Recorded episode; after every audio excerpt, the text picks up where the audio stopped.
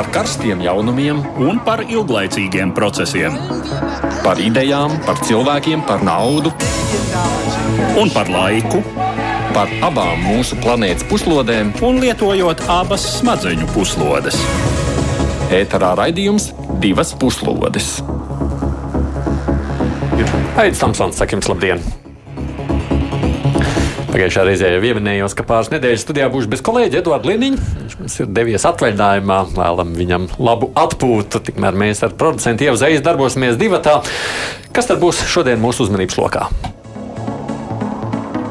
Sociālajos tīklos var redzēt iespaidīgs fotoattēls no Azerbaidžānas pārņemtās Kalnu Karabahas. Milzīgs skaits ģimenes teica pamest savus mājas, lai bēgtu uz Armēniju. Kaukās šajās dienās piedzīvo vēl vienu drāmu. Vai tiešām situācija ir tāda, ka armēņiem ir jābēg neatskatoties? Žēl sekot līdzi ziņām no Polijas un Ukrainas.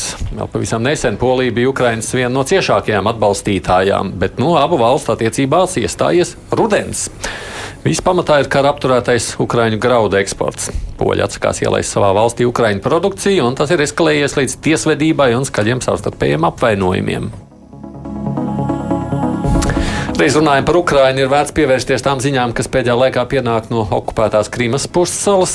Izskatās, ka Ukraina ar vien pārliecinošāk rada okupantiem pamatīgas galvas sāpes. Ko mēs varam spriest par Ukrainas militāro taktiku centienos atgūt savu teritoriju? Visu šo stundu studijā notiekušo komentēs Latvijas transatlantiskās organizācijas ģenerālsekretārs Sigits Strunbergs. Labdien jums! Sveiki! Arī politologs Ansi Kudors. Labdien! Par mums! Būs bez raidījuma laikā arī kāda sazvanīšanās, bet katru tematu kā parasti ievadīsim ar nelielu faktu apkopojumu. Tātad sākam vispirms ar ziņām no Kaukāza. Tikai viena diennakts bija vajadzīga pašpasludinātās Arcahas republikas jeb Kalnu Karabahas vadītājiem, lai saprastu, ka bez ārēja atbalsta tā nav spējīga pretstāvēt modernajai Azerbaidžānas armijai.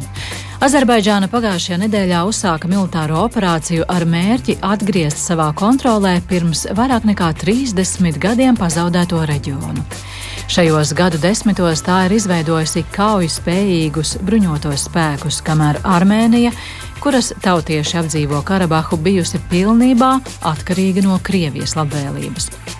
Tagad, kad Krievija ir aizņemta karā Ukrainā un nav spējīga diktēt savus noteikumus reģionā, arī Armēnija bijusi spiesta atzīt, ka tai nav militārās kapacitātes karot pret Azerbaidžānu.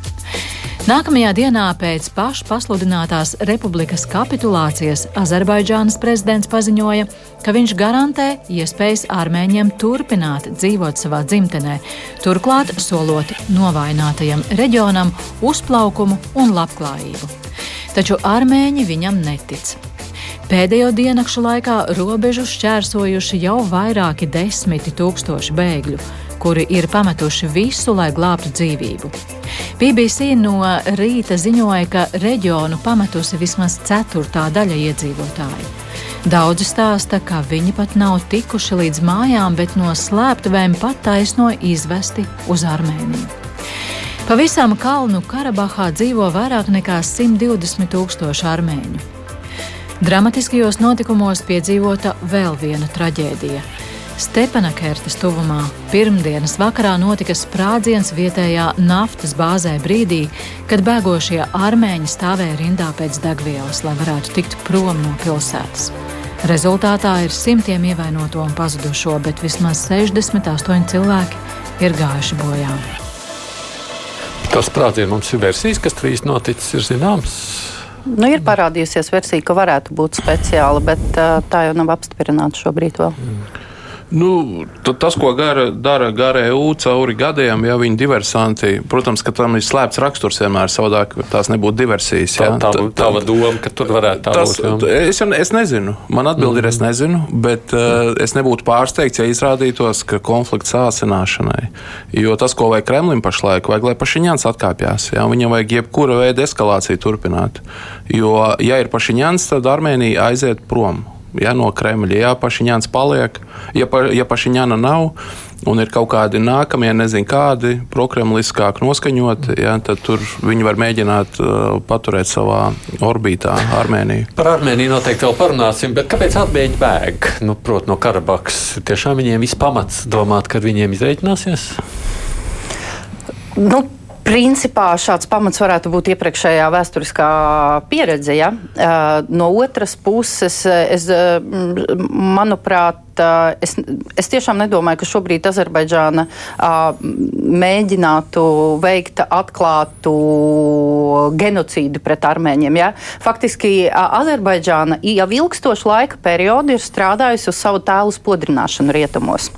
Tā skaitā arī uz to Azerbaidžānas kontrolēto teritoriju, Karabaha teritoriju atjaunošanu. Un es pieņemu, ka tāda atklāta genocīda mēs neieraudzīsim. Bet ir vēsturiskā pieredze, ir atmiņas, ir noteiktas manipulācijas arī. Tā skaitā nu, tas, ka armēņus šobrīd izved tā saucamie Krievu mhm. miera uzturētāji, ja, arī rada jautājums, kā Kudora kungs jau minēja. Līdz ar to, protams, ka te, te, te ir arī nu, tas spēcīgs emocionālais fons. Nu, tas, ko jūs sakāt, vai tiešām šobrīd mums ir pamats sacīt, ka Krievija būtībā uzkurina šos bēgļus, lai viņi, lai viņi dodas uz Armēniju? Tā simtprocentīgi es nevarētu apgalvot, bet varētu teikt, ka nav izslēdzams. Ja? Jo, jo ko vajag Kremlim pašlaik? Ir skaidrs, ka Armēnija šajā pašreizējā stāvoklī viņi iet prom, bet ir jāgāž pašiņans. Un tad jebkāda spriedze, jebkādu tā uguns eh, eļļa pieliešana ugunī varētu palīdzēt Kremlim, ne jau kaut kam citam. Es piekrītu arī ja, par to, ka Azerbaidžānai nav kaut kāda, tad, kad viņi saka, ka viņi tur mm, ievēros viņu tiesības, tam līdzīgi. Labi, es, es, es pieļauju, ka atsevišķas personas viņi tomēr tur, piemēram, aizturētu, jā, armēņi. Jā, ir aizturējuši, jau ir. Jau jā, jā, nu, jā, jā, bet kopumā, es domāju, viņi būtu interesēti parādīt starptautiskajai sabiedrībai, ka nē, nekāda genocīda nav un ka nu, viņiem vienkārši viņi pārņem kontroli de facto. Uh, militārie Armēnijas spēki ir prom, ja padodas tie, kas tur bija tie vietējie. Viņi ir visu sasnieguši. Kāpēc viņiem sabojāt tagad savu reputāciju starptautisku, pie tam iegriezt Turcijai vēl, kas viņus atbalsta? Es domāju, nē, es, šis ir tas gadījums, kur es drīzāk ticētu tiem Azerbaidžānas paziņojumiem, ka viņi nu, tur ievēros armēņu tiesības un tam līdzīgi. Bet es armēņi neticu. Bet vēl par to kur, kurināšanu, jā, armēņi, kā es teicu, tur ir emocionālais fons un mm. Vēsturiskais un tā tālāk, bet par to Krievijas klātbūtni. Tomēr man jāsaka, ka arī Armē, Azerbaidžāņi šobrīd ir izmantojuši to situāciju. Un, ja mēs paskatāmies, tad, protams, ka t, t, šis, ko mēs redzam, šī operācija ir no vienas puses rietumu tāds zaudējums mēģinājumā diplomātiski noregulēt, ja?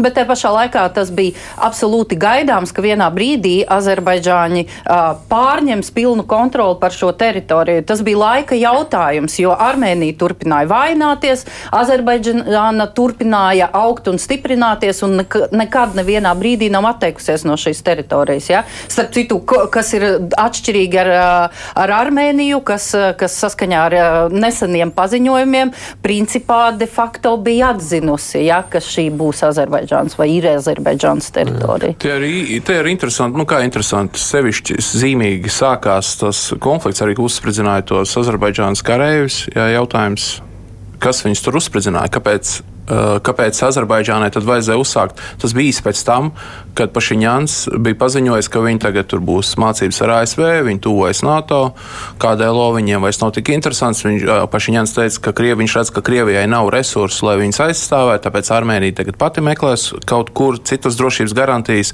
Pēc šiem vārdiem uzreiz notika tas incidents. Jā. Un tad bija redzams, principā, nu, es, es te šoreiz atkal necik nebrīnītos, jā, ja tie, ka tie spridzinātāji bija nevis armēņi bet tie Azerbaidžāni kareivi, kas aizgāja bojā, tas bija, tas Krievijas, bija Krievijas spalvainā roka, piedodiet. Bet eh, jāsaka, ka vienlaikus eh, kā, ir sanācis, ka es nedaudz sekoju līdzi Azerbaidžānas medijiem kādu laiku jau, eh, tomēr Nu, Azerbaidžānas mēdī, uh, vismaz to gadu apmēram, ko es sekoju līdzi, nepārtraukti ziņo par kaut kādiem incidentiem Karabahā. Tas, tas nav uh, nu, Kalnu, Kalnu Karabahā tie incidenti, viņi nu, vismaz Azerbaidžānas mēdījos nepārtraukti ir tikuši attainoti un principā Azerbaidžānas sabiedrība, kas ir absolūti atbalstoša Lījevam, nu, vismaz no, tie, no tā, ko mēs zinām, ja, uh, tad, nu, tad vairums kā minimums. Uh, tad, tad šis vairums jautājums arī tika gatavots tam.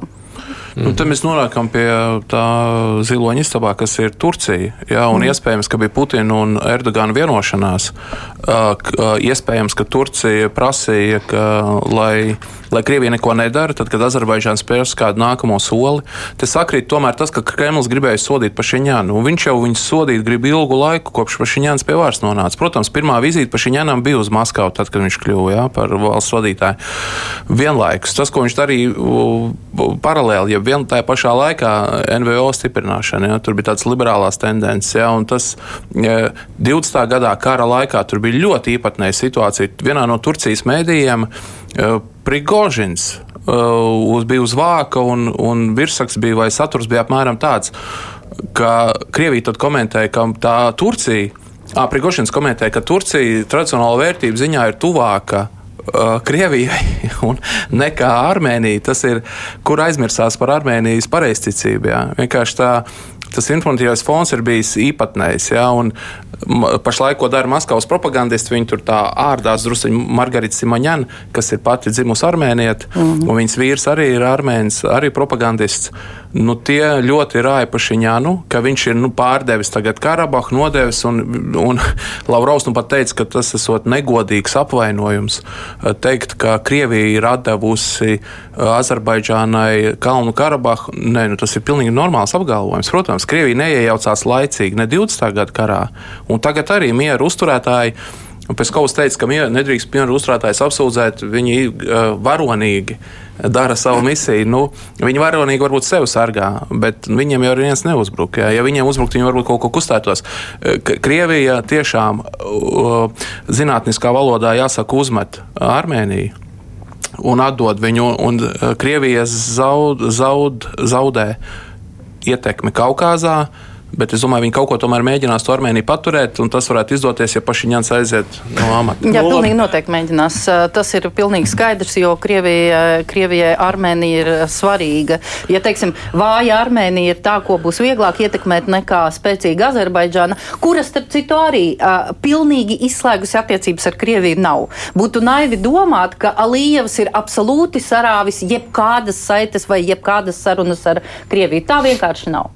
Bet runājot par Vašiņānu, kā tad izskatās viņam, ir perspektīva saglabāt amatu vai nē? Nu, teiksim, man būtu šo grūti prognozēt. Mēs redzam uh, nemierus, bet mēs esam Armēnijā arī iepriekš redzējuši nemierus. Te ir jāskatās tā, tā, tā, tā attīstība un ko pats uh, viņš varēs piedāvāt uh, arme, armēņiem šajā situācijā. Jā, es piekrītu. Grūti prognozēt. Ir, kas ir redzams pašlaik, ir pašiņēns spēr tādus stingros soļus. Jā. Viņš tur, teiksim, tie piketētāji, tur bija dažādi, divi veidi vismaz piketētāji. Viena bija, kas kritizēja Putinu un tur apsaukājās, un otra bija, kas kritizēja kritizē Pašiņānu. Uh, un uh, pašlaik tā teiksim, valdības rīcība ir, ka stingri ierobežot un neļaut ļauj viņiem būt tur vis kaut kur, ja, bet nu, viņi daudz maz pašlaik izstāsta, ka kontrolē situāciju, es domāju, vara. Bet es neprognozētu tālu uz priekšu. Nu, redz, šobrīd, es saprotu, tie, tie protesti nav tik maz daudzskaitlīgi, kā te bija, pieņemsim, pirms gadiem trim, kad bija. Jā, pirmkārt, nav. Otrkārt, tomēr ir jāskatās arī uz to, ka es domāju, ka rietumi arī ir ieinteresēti ne tik viegli atdot Armēniju atpakaļ Krievijas apskāvienos, un mēs jau redzam gan, gan, gan finansiālo atbalstu, jā, gan, gan, gan es domāju, ka sekos vēl atbalsts, lai tomēr noturētu Armēniju ne, neieslīgšanai atpakaļ Krievijas apskāvienos. Un, jo faktiski šis, nu, teiksim, ja tipiski mēs varam lasīt, ka, nu, redz, kā Krievija ir atkal literārā valodā runājot, nofeilojusi ja, uh, šajā reģionā, tad faktiski es teiktu, ka nofeilojuši ir rietumi. Jo tas, ko mēs redzam, lietu, rietumi bija tie, kas pirms tam veda gan Azerbaidžāns, gan Armēnijas pārstāvjus uz sarunām, paši brauca, Eiropas Savienība iesaistījās un tā tālāk, un, un rezultāts tik un tā ir tāds, kāds ir. Ja. Tāpēc es domāju, ka rietumi to turpinās strādāt, un starp citu, piemēram, Brookings Institution, kas ir tāds uh, gana ietekmīgs, jā, ASV, taisnīgi rakstījis par to, ka uh, nu, tagad ir jāsāk rietumiem rūpīgi izsvērt, ka tādās uh, nu, reģionos ap Krieviju, ka rietumi nav nemaz tik veiksmīgi. Esmu klausījies intervijas ar kādiem armēņiem arī šajās dienās, kas saka, nu, ka salīdzinoši ņemot vērā, kāda šobrīd tie protesti ir, visticamāk, ka tas pašiņānu neapdraud, ja vien, un tas ja vien ir tie daudzie bēgļi, kas ierodas, mm. ja tie ir pārpa simts tūkstoši, jo tur patiesībā Kalnu Karabaks pašpārvaldes vadītāji sacījuši, ka visi, visi Mm. Aizbraukšot uz Armēniju, neviens nepalikšot Kalnu Karabahā. Ja tie ierodas, tad iespējams Armēnija nav nec spējīga, nec varoša vairs viņus gan uzņemt, gan arī līdz ar to grūtāk kontrolēt situāciju pašā valstī. Šis varētu būt viens no iemesliem, kāpēc Nu, kāpēc es arī jautāju, vai Krievija nav interesēta, lai tur tiešām tie bēgļi sarastos visi? Nu, jā, Armēnija jārēķinās, jāņem vērā, ka Armēnija ir nabadzīga valsts, jā, viņiem armēņu ārpus Armēņi, Armēnijas dzīvo vairāk nekā pašā Armēnijā, viņiem ir liela diaspora Amerikas Savienotās valstīs. Daļai ar to Amerikas armēņu palīdzību ar to šis tas ir attīstījies Armēnijā, bet Pašiņāns redz viņam, viņam pārmet ne, nepareizi to, ka viņš tagad ir zaudējis Karabahu. Pašiņāns nāk no tie tiem armēņiem, kas bija stingri par Karabaha saglabāšanu jā, Armēnijas kontrolē. Viņš ir no, no tās frakcijas Armēnijas, jā, no tās strāvojuma, kas bija par to, ka nekādā gadījumā Karabahu nedrīkst atdot. Vienkārši tagad viņš, ir, viņš saprot realitāti. Mm. Viņi jau varētu karot, bet viņi reāli zaudētāji karā. Lūk, kas notiek, kad tiek galvenā likme starptautiskā politikā tātad no kaimiņu valstīm galvenās garantijas tiek meklētas pie Krievijas. Krievija ir neusticama. Krievija neusticama šīs garantijas kolektīvās drošības līguma organizācijas ietvaros, vājina KDLO.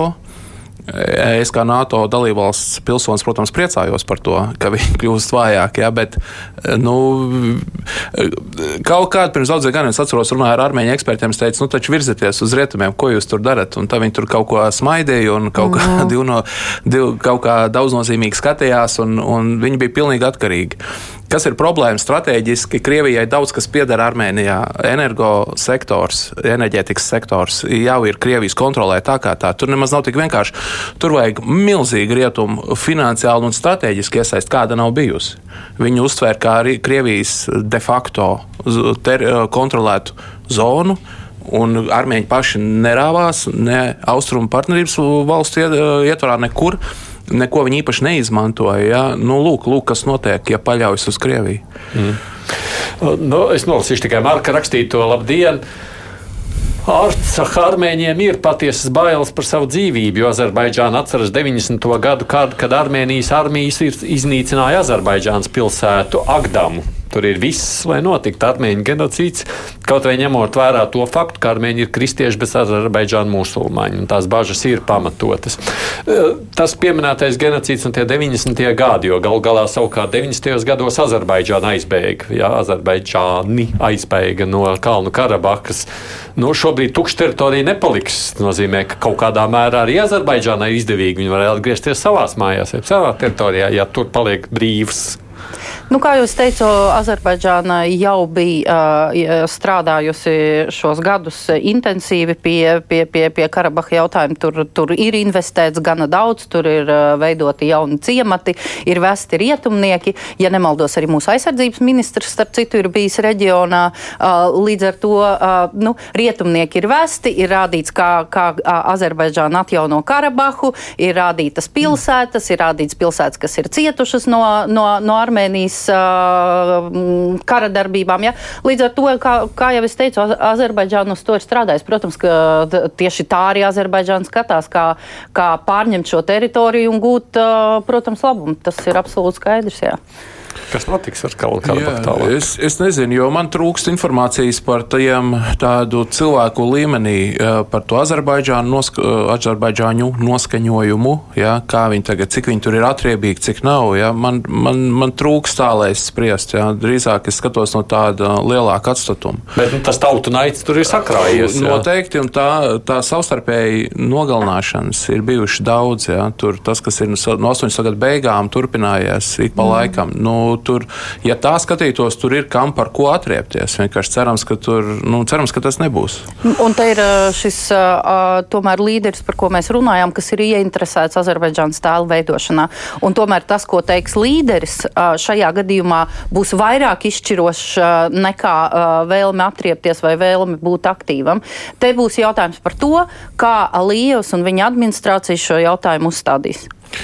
Jā, nu, redz, viņi, kad cik zīmīgi kā pagriezās viss otrādi, padomju savienības laikā armēņi bija padomju armijā vairāk skaitliski nekā Azerbaidžāņi. Ja? Un tad, tad, kad bija tas pirmais karš, armēņu spēki bija radikāli spēcīgāki, toreiz vēl bija tā padomju padomju stiprums vēl bija, ja, kas bija saglabājies no tā laika, un, un kā viss izmainījās cauri gadiem. Mm. Tur tas, ka varbūt kārtinājums viņiem kaut kur atriepties, protams. I, tā identitātes atšķirība arī ir. Kristietība un islāms tas elements arī nekur nepazūd. Jā. Protams, un te ir tā Azerbaidžānas attīstība, kas ir notikusi pēc PSRS sabrukuma. Ja, Azerbaidžānai, kas nevarēja attīstīties PSRS, pateicoties tiem er, energoresursiem, kas ir, ja, ir, ir salīdzinoši noticis nu, ārkārtīgi strauji traušu lēciens. lēciens Savukārt jā. Armēnija ir saglabājusies mm -hmm. nabadzīga un patiesībā pateicoties pati savai bezdarbībai iekļūsi tādā izolacionisma zināmā slazdā. Jā. Ja? Nu, vēl tikai pabeidzot šo tēmu, jāatzīst, ka nav jau zināms, kā viss beigsies arī tad, kad Kalnu Karabaks jautājums šādi tiek atrisināts. Tāpēc, ka vēl jau ir Azerbaidžāns atsevišķa teritorija, Nahičevans, jā, tā republika autonomā, kas ir savukārt atšķirta ar Armēnijas teritorijas nu, pa vidu. Un viņi tur ir bažas, ka varētu ar Azerbaidžānu gribēt arī savu koridoru izcirst Armēnijas teritorijā uz to, vai karš nesāksies tur. Par to neko Azerbaidžānas mediji pagaidām nerunā. Ne. Nē, pagaidām to mēs nedzirdam. Tas, eh, tas ko mēs, dzir, ko, kas ir dzirdams gan medijos, gan arī atkal jau Azerbaidžāna ir daudz uh, lobējusi, ir uh, mēģinājusi izcelt uh, Eiropas uh, izdevīgumu sadarboties ar uh, Azerbaidžānu. Uz to tiešām Azerbaidžāna ir daudz strādājusi. Tā, tā, tā skaitā stāstot par izdevīgajiem koridoriem, kas Eiropai mhm. varētu būt saistībā ar enerģētiku. Uh, Ķīnai savukārt ir mēģināts pārdot ideju, ka Azerbaidžāna varētu būt daļa no, no Belt and Road in, iniciatīvām un, un savienojumiem, kas nav tik vienkārši kā stāsta, piemēram, to, ko stāsta par Azerbaidžānu par Baku ostas izmantošanu. Nu, Baku osta neiz, nav tik izdevīgā vietā. Bet, nu, var sakot, par tiem koridoriem, protams, tas stāsts figurē, bet drusku citā perspektīvā šobrīd. Mm. Mm. Nu, es saprotu, ka jebkurā gadījumā šīs teritorija arī nākošajās dienās būs liels uzmanības lokā. Jautājums patiešām, cik milzīga tā bēgļu plūsma būs, tāpēc ka šobrīd eh, satelīta attēli, kas rāda, ka būtībā viss tas ceļš uh, uz, uz Armēniju ir pilns ar mašīnas, nu, tā tādu milzīgu nu, sastrēgumu, varētu sacīt, kas nozīmē, ka tur tā plūsma ir ļoti liela un ar ko tas viss beigsies tajā galā grūti spriest. Um, Turpinām citu tematu, sekojam līdzi, protams, kas notiks šajā reģionā. Mums laiks pievērsties nākamajam tematam, vēl kādai spriedzei, kas gan nu, zināmā mērā daudziem ir bijis pārsteigums. Runa ir par Ukraiņas un Polijas attiecībām. Polija vairs nesūtīs ieročus Ukrainai, bet tā vietā koncentrēsies uz savas aizstāvības pastiprināšanu. Tā pirms nedēļas paziņoja Polijas premjerministrs Mateuš Moraveckis. Vēlāk gan Varšava precizēja, ka esošās saistības turpinās pildīt, un arī sabiedrotajiem turpinās ļaut caur Poliju piegādāt ieročus Kijivai. Kopš Krievijas pilna apmēra iebrukuma Ukrainā pagājušā gada februārī Polija bijusi viena no galvenajiem Kijivas atbalstītājiem, gan uzņemot Ukraiņu bēgļus, gan atbalstot Ukrainu starptautiski un militāri. Tomēr pēdējā laikā attiecības starp abām valstīm ir pasliktinājušās Polijas noteiktā Ukrainas labības importa aizlieguma dēļ. Jāpiemina, ka Polija gatavojas parlamenta vēlēšanām oktobra vidū, un šī brīža aptaujas liecina, ka valdošā partija Likums un taisnīgums nākamajā sasaukumā varētu zaudēt vairākumu un būt spiesta veidot koalīcijas valdību. Analītiķi norāda, ka graudu importa aizliegums ir īpaši būtisks likums un taisnīgums bāzes vēlētājiem, tomēr arī starp viņiem visa veida atbalsts Ukrainai joprojām ir ļoti augsts, un pēdējie politiķu paziņojumi varētu arī atspēlēties viņiem vēlēšana dienā divas puslodes. Sargādījums studijā kopā ar mani ir arī politologs Ants Kudors, Latvijas transatlantiskās organizācijas ģenerālsekretārs Sigita Struberga. Šis konflikts, kāds tagad izveidojies starp Poliju un Ukrainu, ir tiešām tikai un vienīgi gaidāmo vēlēšanu dēļ. Andi? Nu, es domāju, ka ir jārēķinās, ka demokrātiskās valstīs eh, noteiktām sabiedrības grupām ir ietekme uz valdību. Un te ir poļu zemnieki, kuri starp citu esot aizturējuši paši savu graudu pārdošanu, lai paaugstinātu cenas, un tajā brīdī, kad viņi vēl pieturēja tos graudus, tad ienāca Ukraiņas graudi, un tad viņiem sanāca dubultā sāpīgi. Mm. Jā, viņi bija aizturējuši, viņi nebija tirgojuši uh, vēlēšanās. Tam likumam un kārtībai, kas ir kopā, ir tā, ar to apvienoto pol, poliju.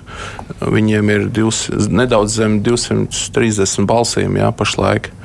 Tad, viņu daļa no viņu vēlētājiem ir šie zemnieki.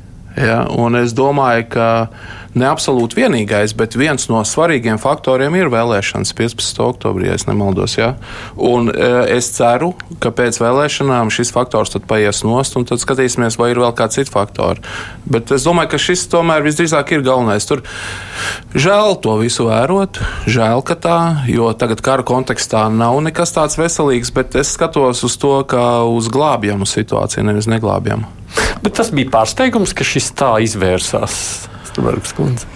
Nu, ņemot vērā priekšvēlēšanu kontekstu, tas nebija tāds uh, galējs pārsteigums. Tiešām, jo, jo, jo nu, principā jau ir tā, ka, mm, ka šī partija ir spēlējusies ar retoriku.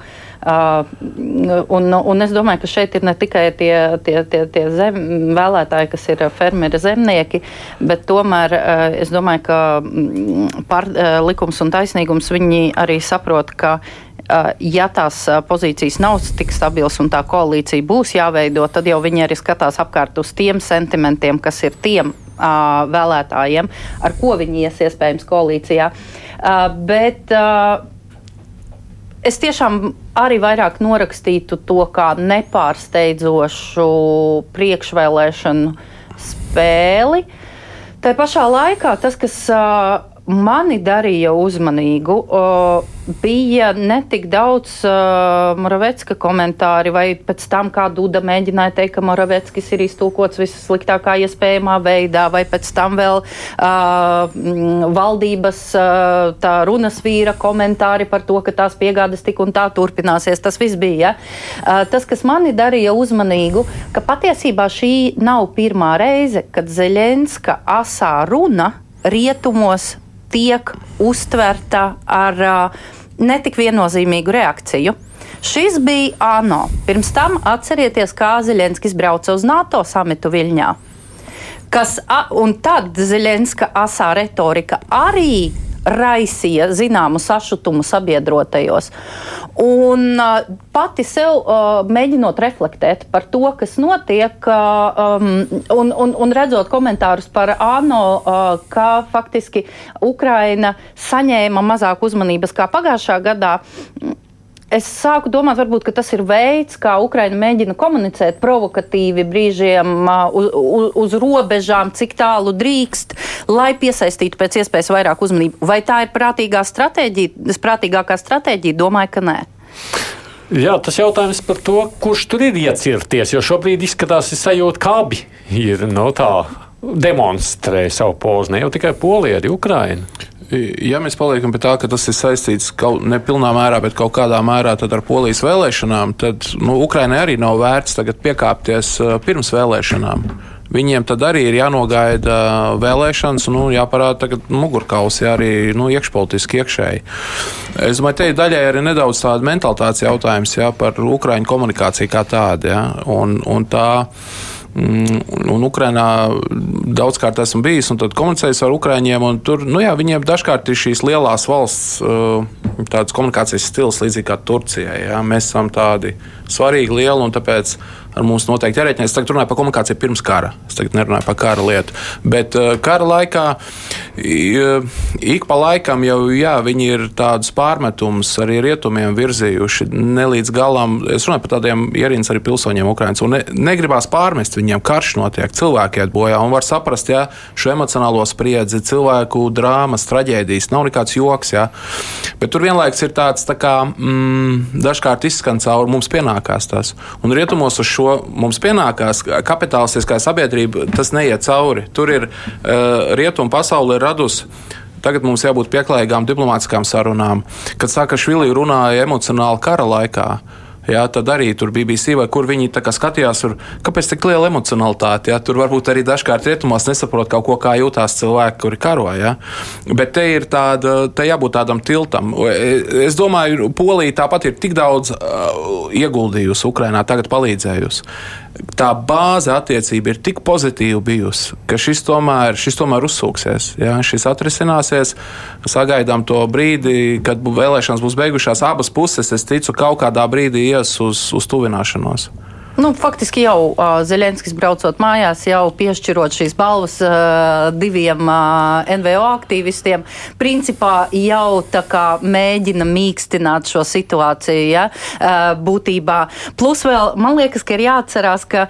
Uh, divas lietas arī par pašu Poliju.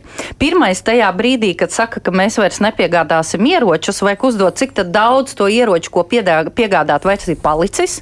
Nu, piemēram, arī Baltijas valstīm mēs varam pajautāt, cik daudz ieroču mēs vēl varam piegādāt, -hmm. ne, ne, neatņemot sev bāzes lietas. Ja? Un otra lieta ir tā, ka, mm, lai kāda būtu retorika, uh, Polija lieliski apzinās, ka tā nevar atļauties Ukrainas zaudējumu karā. Pašu dēļ. Pašu dēļ, tā skaitā, jā. Es jau domāju, būtībā jau tajā, ja mēs tā paskatāmies uz to retoriku, kas ir nākusi no Krievijas. Savukārt, tāda Krievijas centienus, lai sanaidot Krieviju, Poliju ar Ukrajinu, visu laiku bijuši, vai ne? Tas laikam tāda pro propaganda, ka tūlītās poļi iekaros daļu no Ukrajinas un atņems viņiem tā, tā tam līdzīgi. Tur kaut kāds Krievijas pirksts arī ja veiksmes stāsts neparādās. Jā, es nezinu tagad konkrēti, vai viņi tur ir šo kaut ko tur paspējuši izdarīt ar šo, bet kopumā strateģiski tas, ka viņi vēlas, lai visi rietumos plēšās savā starpā, nu tas ir viennozīmīgi. Protams, tas ir, mm. tas ir tā Krievijas ārpolitika lielā mērā bijusi tāda šķel, šķelšanas politika. Tā pirmā līnija, ko viņi centušies šķelt, ir transatlantiskās saites vājināšana. Tātad nošķelt Kanādu un ASV no Eiropas par katru cenu, lai tikai sastrīdās. Jā. Trumps viņiem nedaudz palīdzēja ar savu to komunikāciju. Otra šķeļošā līnija ir sašķelta Eiropas valsts iekšienē. Jā, tad, lai notiek Brexit, lai notiek vēl kaut kas, lai tikai iekšienē ir kaut kāda nu, strīda vai kautiņš. Un trešā šķeļošā līnija ir katras valsts, nu, kur viņi tiek klāti, kur viņi var ietekmēt iekšēji sašķelt, vai etniski, vai liberāli konservatīvā līnija, vai valdība, tā populistiskā līnija, sliktā valdība, labie cilvēki visas šīs līnijas, visur, kur viņi var, viņi vienmēr ir mēģinājuši eļļu pieliet ugunīs. 16. gadā ASV, kad atklāja, kad izpētīja, ko Prigožina troļi tur ir darījuši, tur vienkārši pārsteidzoši, cik masveidīgi viņi bija saražojuši viltus kontus, un viņi bija reāli piketus, kā minimums vienu, es zinu, droši, piketu pie policijas sarganizējuši no Sanktpēterburgas. Un vietējie domāja, ka tur vietējie Amerikas aktīvisti ir sarganizējuši piketu pie policijas iecirkņa, un tas bija kaut kāds Sergejs vai Koļa Sanktpēterburgā nogurušā aizsargātām acīm rakstīja vienkārši teksts, jā, uzstājoties par kaut kādu melnādaino. Tas, ka viņi šo cenšas dara viennozīmīgi, vai viņi tagad ietekmē, es nezinu, bet nezinu. tas, ka viņi priecājas par to arī, protams, protams. skaidrs. Jā, nu es nezinu par šo konkrēto gadījumu arī, bet tas, ka poļu eksperti runā, ka priekšvēlēšana laikā ir aktivizējusies, tā skaitā Kremļa ieskaita, iesaiste dezinformācijas sešanā Polijā, Polijas informatīvajā telpā, jā, Tā ir. Tajā pašā laikā pārējā rietuma, ko saka par to, es pievērsu uzmanību tam Vācijas sacītājiem, ka lūk, tā poļu solidaritāte līdz brīdim, kamēr neskar, neskar pašam aku apmēram, uh, no tā vērtējums no citām valstīm Nu, redz, tas, ka, tas, man liekas, bija po, politiko vai, vai, vai kāds, kas bija aptaujājis uh, Eiropas birokrātus. Nu, uh, tie bija galvenokārt teikuši, ka tos, kas saistīti ar drošības jautājumiem, tie bija galvenokārt teikuši, nu labi, tur Polijā šobrīd pirmsvēlēšana, mm. blā, blā, tāpēc mēs arī uh, Eiropa šobrīd uh, uzmanīgi skatāmies ar to finansējumu, kas aiziet Polijas valdībai, lai neizmantotu esošā vara uh, tā kā informatīvajā telpā šo naudu, ja, bet, uh, bet nu, principā pagaidām vēlēšana beigas, pagaidām 15. oktobri. Zini, vienas- ka, jā, par nu. ko te apsūdzēt vispār Poliju īpaši? Es tā, nu, zinu, kā viņi jau palīdz. Jā, tas ir, nu, tas ir uz brīdi. Tas, jā, par to, ka viņi to retoriku sāsināja, jā, tas nav labi. Arī no Polijas puses tas nav patīkami. Bet tas, ka viņi iestājās par tiem saviem fermeriem, es tur neredzu kaut kādu, nu, baigo avāriju. Tas ir, nu, normāli. Tā notiek demokrātiskās, valstīs. Nu, sa, valdības vīri lemj par labu saviem pilsoņiem. Ja pilsoņi saka, tagad palīdzam Ukrainai, viņi palīdz. Ja viņi saka, tagad mums te pašiem graudi jāpārdod.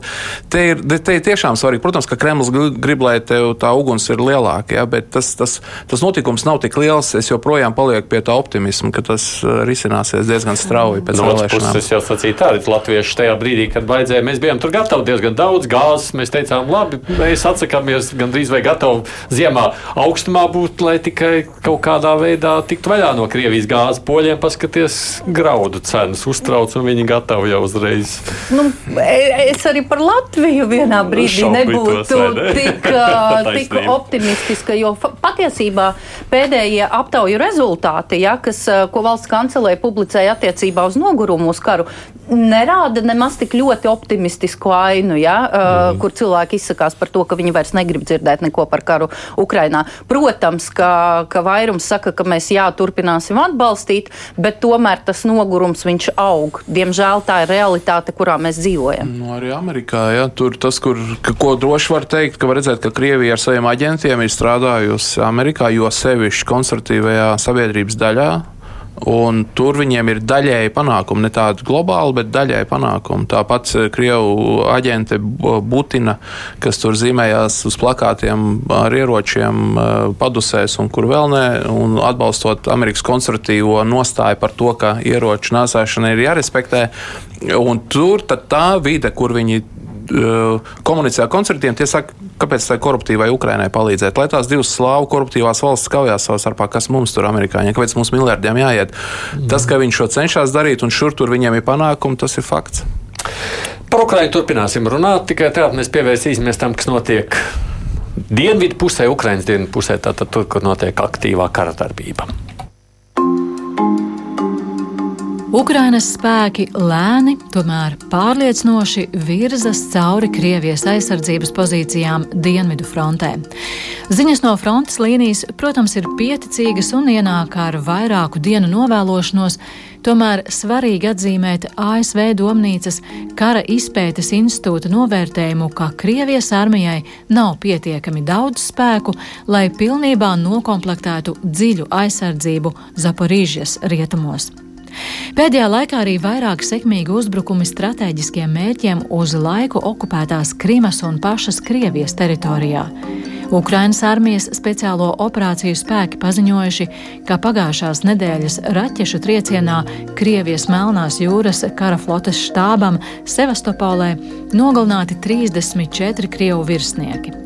Sākumā tika minēts, ka starp nogalinātajiem ir arī Melnās jūras kara flotes komandieris admirālis Viktors Sokolovs. Tomēr vakar viņš parādījās Kremļa izplatītā video, kas it kā uzņemts tās pašas dienas rīta pusē. Vēl astoņi virsnieki iznīcināti Himāras triecienā Helsonas apgabalā. Krievijas teritorijā Kijivas galvenie mērķi ir Krievijas militāri rūpnieciskā kompleksa uzņēmumi, kas strādā raķešu būvis jomā, lai palielinātu Krievijas bruņojuma ražošanu. Lielākā daļa no šīm rūpnīcām atrodas Krievijas rietumu daļā un ir sasniedzamas ar dronu palīdzību. Un kamēr Ukraina smagās cīņās cenšas atgūt savu teritoriju, agresoru valsts Krievija cer jau oktobrī atgriezties ANO cilvēktiesību padomē, no kuras tā tika izslēgta pērnā gada aprīlī pēc pilna mēroga iebrukuma Ukrainā. Kādi ir jūsu secinājumi, sekojot nu, tām ziņām, kas pienāk no Ukrainas, no frontes? Nu, tas galvenais secinājums, ka mēs redzam zināmas panākumus, vēl viens secinājums, un, un tas ir acīm redzami. Tāpat ir acīm redzami, ka, ka, ka ļoti daudz sāpīga darba priekšā un skaidrs, ka ir jāgatavojas ilgam karam un ziemai, par ko runā arī daudz militāri analītiķi šobrīd. Tas, kas priecē, ka tas vasarā uzplaukušais spiediens uz Ukraiņiem par tādiem ātriem rezultātiem, vismaz mana tā sajūta ir, ka tas ir mazinājies. Bet tad vēl viens tāds nozīmīgs secinājums ir par to, ka patiesībā šobrīd tie dronu uzbrukumi, kas ir bijuši veiksmīgi Krimā, parāda, ka tā rietumu loģika par to, ka nevajadzētu Ukraiņiem aiztikt Krimu, un tad, tad, tad, tad, tad varētu mēģināt ar Krieviju runāt, ka viņi nestrādā, ka eskalācija ir pilnīgi cita loģika, un ka, Krievi, ka Ukraina var Krimu aiztikt, un ka arī Krievijas teritoriju var aiz, aiztikt, un ka patiesībā visticamāk tas ir vienīgais veids, kā arī mēģināt līdz Krievijas iedzīvotājiem aiznest, aiznest to ziņu, ka, ka, ka nesanāks tā vienkārši divāno sēdēt un skatīties karu pa televizoru. Ja? Tāpēc, manuprāt, šis, šie uzbrukumi Krimai ir būtiski ne tikai no piegādes ķēžu nu, apstādināšanas viedokļa, bet arī no tādas strateģiskās komunikācijas viedokļa. Mhm. Tā viss ir informācijas kara kontekstā. Uh, Ukraina labi strādā, un tas, teiksim, tā raķete, kas ietriec tajā viņa štābiņā, vienā mm -hmm. un otrā, uh, un aiziet bojā uh, komandieri pie tam tajā vienā gadījumā augstas, augstā ranga. Uh, komandieri. Nu, labi, tur rādīja to admirāli pēc tam tajā ierakstā televīzijā. Viņam tas kadrs tur bija īpatnējs. Viņu it kā nedaudz fonā parādīja. Mm -hmm. Viņam tur bija tā kā balss pilvens, tā kā aizmugurē uztaisīts. Es to bildi līdz galam nesapratu. Viņš nezinu, viņš tur kustējās, nekustējās. Tas ir jautājums, tad, kas ir ar to admirāli, kāds ir viņa liktenis. Ja? Nav skaidrības līdz galam. Ukrāņi arī pēc tam teica, ka viņi precizē informāciju, ka viņiem teica, redziet, re, ko viņi rāda. Bet tur tas kadrs ir tāds tikpat labi, tā nu, multene. Ja? Un nu, redzēsim, kā ir patiesībā ir vai nav. Tas, ka Krievija, protams, savu inf informācijas kara ietvaros nerādīs īstos zaudējumus savējiem vismaz, ja arī uz ārpusi, tas ir skaidrs. Jā, tas, ka viņi iekož Krimā, tas ir simboliski un vērtīgi. Informācijas kara kontekstā viņiem pašlaik vispār Ukrainā labi iet ar to, ka viņi aizsniedz tālu. Tas rada arī bailes Krievijā pilsoņiem. Jā, tas atkal ir labi, jo bailes ir viens no informācijas kara pamatelementiem, ar ko operē, ja, biedē. Un tas, ka cilvēki ne, var nejusties, vairs nevar justies droši, tas tā, nu, viņi jau tur koši, tā cīņa ir arī pie Bahmutas tur apakšā, nu, pat ir viens ciemats šķiet atbrīvots, un tad tur runā kaut ko ieliekšanu, bet, nu, lēniet, bet jā, es piekrītu, nav vairs tā spiediena, kas bija tā eiforiskās cerības, kas bija, protams, arī samazinājās. Bet es domāju, arī kaut kā veiksmīgi nokomunicēt to, ka nevajag kritizēt. Galvenais, ka viņi dara savu darbu. Un vēl ir interesanti, e, Krievi mācās no Ukrainas un nekaro vairs tik daudz ar masu. Viņi karo līdzīgi ar tādiem maziem uzskrējieniem un ar artēriju. Tas joprojām ir artērijas karš. Mm. Lielā mērā artērijas karš. Krievija arī tomēr cenšas vairāk. Uh, varbūt nekā sākumā vairāk pasaudzēt tās savu karavīru dzīvības, bet tomēr tās liecības, kas nāk, kad kaut ko ieraksta paši kareivi, Krievi. Ja, Atkal viņi stāsta, ka tomēr tur no pulka tik un tik palicis, no turienes tik un tik palicis. E, nu, tā, e, Viņi ir samazinājuši, es domāju, to masveidīgo skrējienu, bet, bet ne, ne pilnā mērā. Mm. Mums sarunai šobrīd arī pievienojas Zemestādes štāba pārstāvja pulkveža leitnanta Anita Pizele. Pizeles kundze, labdien! Labdien! Ko mēs varam spriest, skatoties no tām ziņām, kas, kas ir mūsu rīcībā? Kāda ir tā Ukraiņas taktika, kā viņiem iet? Nu, jāpiekrīt gan visiem runātājiem, ko es dzirdēju iepriekš, um, bet par taktisko situāciju ir um, skaidrs tas, ka uh, Ukraiņu karaspēkam ir uh, jāaturas pretā visā frontes garumā okupanti. Tāpēc um, ļoti svarīgi ir uh, uzbrukumu pārāvuma galvenais strateģiskais virziens, kas ir Zvaigznes sektorā. Obligāti jābūt arī šim taktiskajam uh, uzbrukumam sektoram, kas ir Bahmutā. Uh, tāpat ir uh, ļoti svarīgi uh, un ir atkarīgs arī cits sektors, Helsinas sektors, no tā, kas notiks Brīžas sektorā. Ja tur veiksmīgi turpināsies uzbrukums, tad um, Helsinas sektorā uh, jau būs iespējams ieņemt lielāku teritoriju placdarmu ģempras kreisajā pusē, turpināt apšaudīt uh, okupantu aizmugures uh, pozīcijas un tādā veidā jau nostiprināties ģempras kreisajā pusē. Ja mēs šodien redzam karti, tad tajā kartē redzams, ka tiek smagi apšaudītas tās um, salas pie Novakahovkas un arī teritorija aiz aiz šīs salas, Ņepras labajā pusē, kur iespējams ir šie ukraiņu karavīri, kas jau ir šķērsojuši šo šaurāko daļu un gatavojas tālākam triecienam Ņepras kreisajā pusē. Un tas mērķis ir tik līdz jūrai, ja? Un tas mērķis ir tik līdz jūrai. Protams, protams, ir galvenais nogriezt šos apgādes ceļus. Tāpat mēs šodien zinām, parādījās informācija, ka Krievi būvējot dzelzceļu, kas savieno Staganrogu, kas ir patiesībā m, rūpniecības centrs, kurā uh, ražo dažādu militāru tehniku, atjauno viņu munīciju, ražo. Tad, nu, no šīs pilsētas pāri robežai ir apmēram 50 km uz Meltopolu, no Meltopolas uz uh, ziemeļiem un tālāk uz dienvidiem.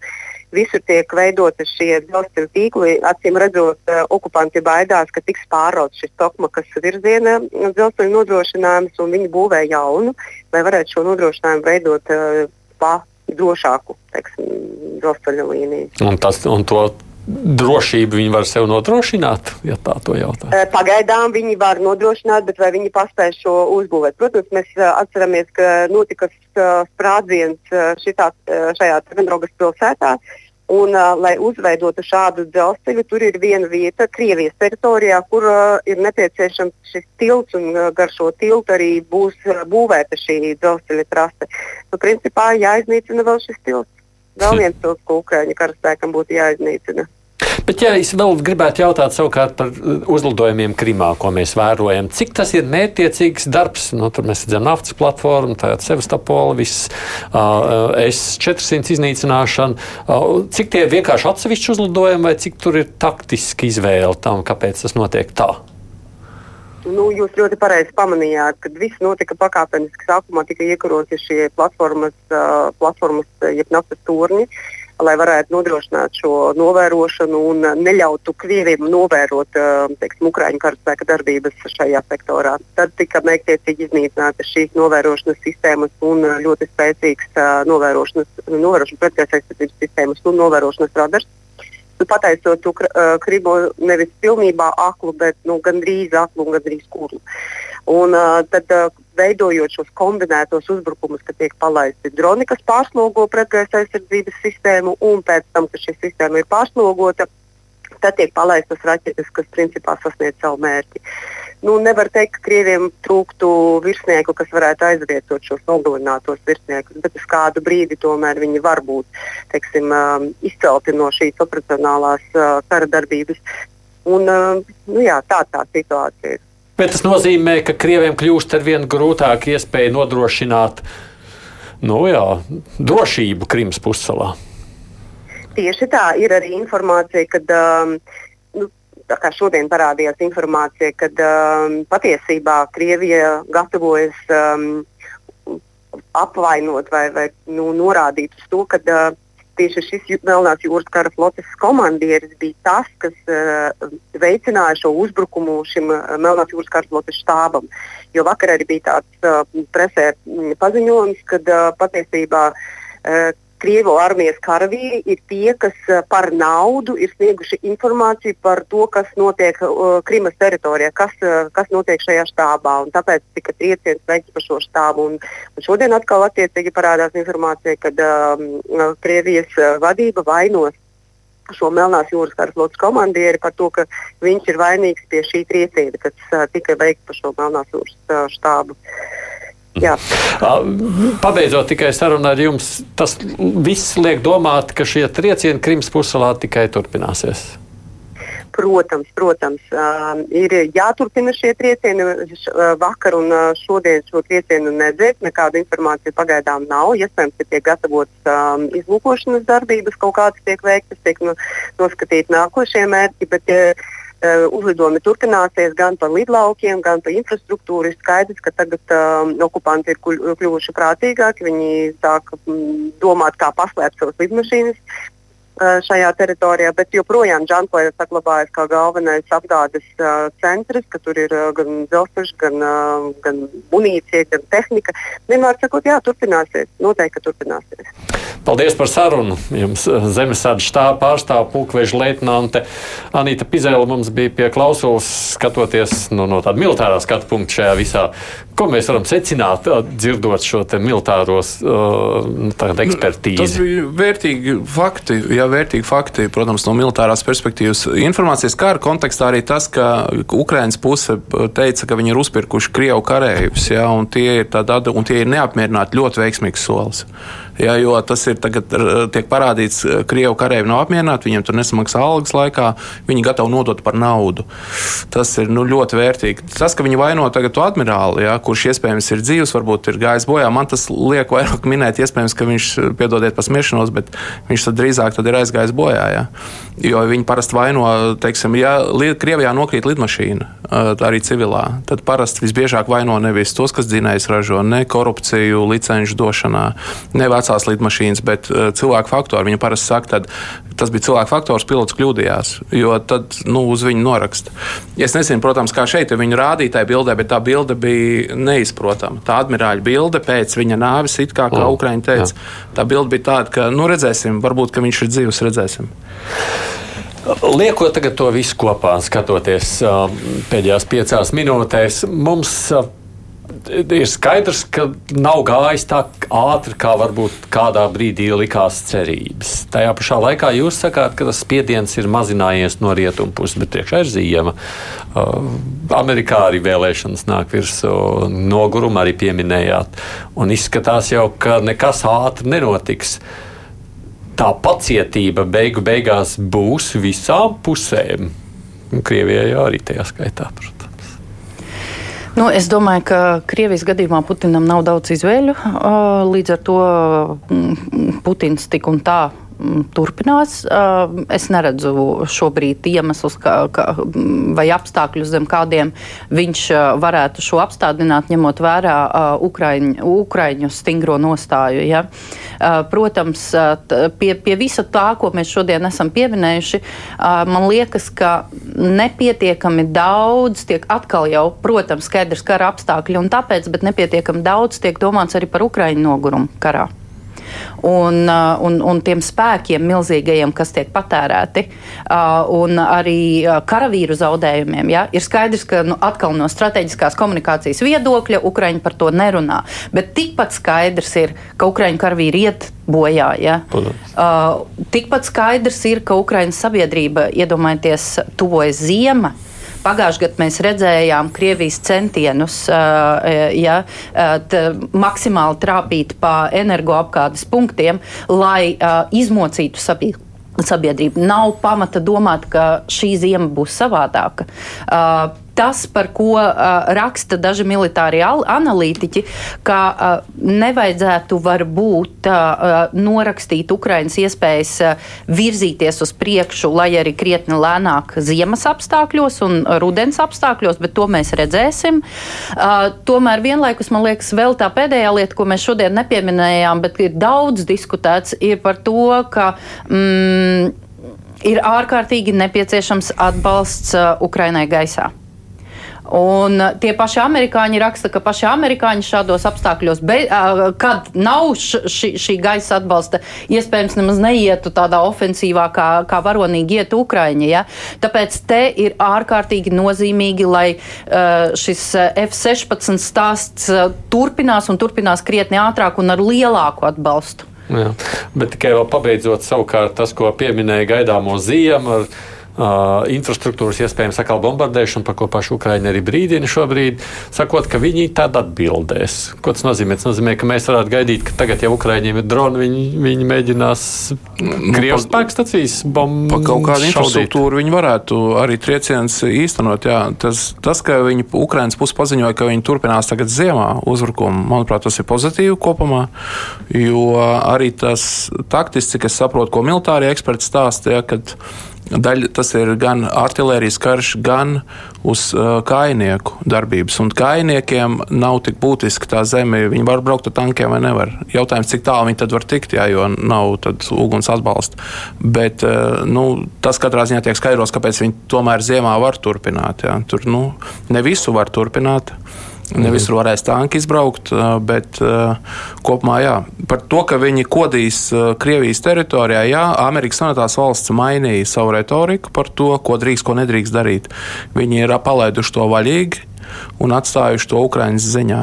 Jā, tas ir, tas ir tas var liecināt to, ka Ukraiņa tad arī drošāk turpinās kost. Jā, arī. Tas nozīmē, ka Krievijai šī ziema nebūs tik mierīga, kā tā bija pagājušajā gadā. Lavrovs vispār jau ir ziemā. aizdomīgs paziņojums. Tur nāca klajā par suverenitātes kaut kādu respektēšanu. Tur, protams, nekas no. nav jātic viņam, jā, ko viņš runā. Bet, Paldies. Uh, Mums vēl jābeidz. Ants Kudors, politologs Sigits Truberg no Transatlantiskās organizācijas. Paldies jums! Divas puslodes!